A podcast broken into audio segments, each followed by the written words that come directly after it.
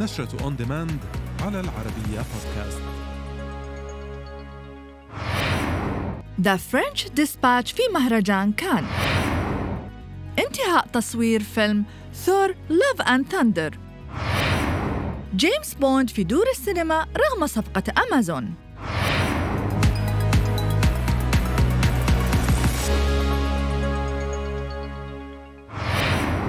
أعلن منظمو مهرجان كان السينمائي على الصفحة الرسمية على تويتر عن عرض فيلم The French Dispatch في دورته الرابعة والسبعين لهذا العام والمقام من السادس إلى السابع عشر من يوليو المقبل. وكان من المقرر أن يعرض الفيلم في مهرجان العام الماضي ولكن تم إلغاء المهرجان بسبب جائحة كورونا. وبهذا سينضم فيلم The French Dispatch للفيلمين المشاركين بالمهرجان وهما بينيديتا وأنيت. كشفت تقارير إخبارية عن انتهاء تصوير فيلم Thor Love and Thunder بعد أن شهد الكثير من المعوقات بسبب تفشي جائحة كورونا. ووفقا لتقارير لصحيفة فرايتي فإن القائمين على الفيلم أعلنوا نهاية التصوير بدون الإفصاح عن الموعد المحدد لعرض الفيلم في صالات السينما العالمية. يذكر أن الفيلم من بطولة كريس هيمسورث وراسل كرو.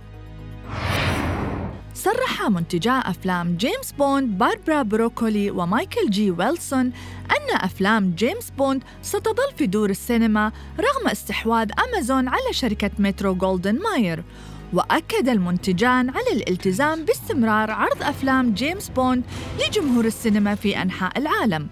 ومن المنتظر طرح الفيلم الجديد من هذه السلسلة No Time to Die في دور السينما في سبتمبر القادم. يتوقع الكثير من النقاد أن يحصدوا فيلم A Quiet Place 2 57 مليون دولار في افتتاحية الأيام الثلاثة الأولى من عرضه. ووفقا لتقارير نشرته صحيفة فرايتي فإن الفيلم A Quiet Place الذي طرح عام 2018 حصل على 47 مليون دولار في افتتاحيته الأولى بينما من المتوقع أن يحصد الجزء الثاني على 57 مليون دولار في الأيام الثلاثة الأولى.